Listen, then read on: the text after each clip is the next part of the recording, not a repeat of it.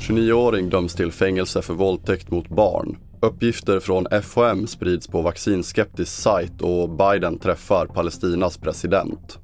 Det är rubrikerna i TV4-nyheterna. Men vi börjar i Malmö där en 29-årig man döms till fängelse i två år och sex månader för ett stort antal våldtäkter mot barn.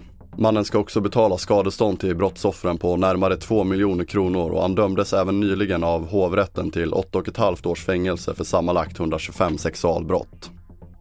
Vidare till Folkhälsomyndigheten som har anmält ett misstänkt dataintrång i det nationella vaccinregistret och uppgifter om personer under 12 år som vaccinerats mot covid-19 har spridits. Och nu skriver Dagens Nyheter att uppgifter om 796 barn som fått vaccin har spridits på en vaccinskeptisk sajt för 11 dagar sedan. Det är oklart vem som ligger bakom sajten.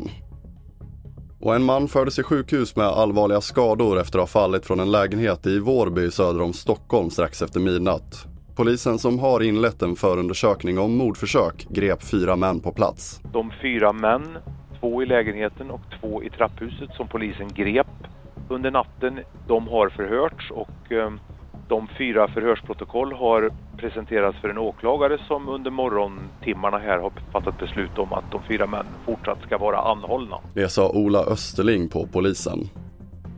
Och USAs president Joe Biden ska träffa den palestinska presidenten Mahmoud Abbas i Betlehem under fredagen. Biden kommer bland annat att tillkännage en större donation till FNs organ för palestinska flyktingar, UNRWA, enligt en amerikansk tjänsteman. Men besöket kritiseras däremot av många palestinier som inte tycker att Biden fört deras talan tillräckligt under samtal med Israel.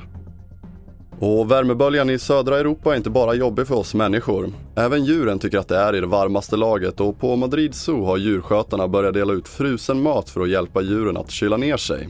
En bit frusen vattenmelon, sardin i isblock eller en hink med fruset kött gör susen i den mer än 40-gradiga värmen och är kanske ett välkommet avbrott från dieten zoodjuren annars får hålla sig till godo med. Fler nyheter hittar du på tv4.se. Jag heter André Metenen Persson.